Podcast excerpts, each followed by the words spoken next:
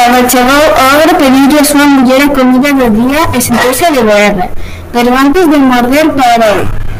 Comezou a cheirar aire e a rinchar. Fa, fe, fi, fa, fu. Cheira a carne de nena.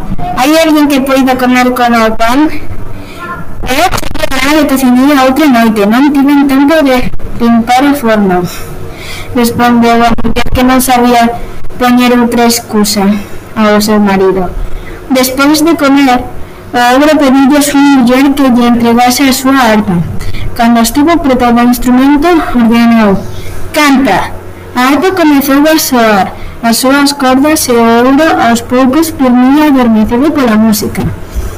Xena aproveitou o momento para marchar. Lentamente, nas puntas dos pés, achegou a ogro que arrancaba como un tronco para levar a arpa.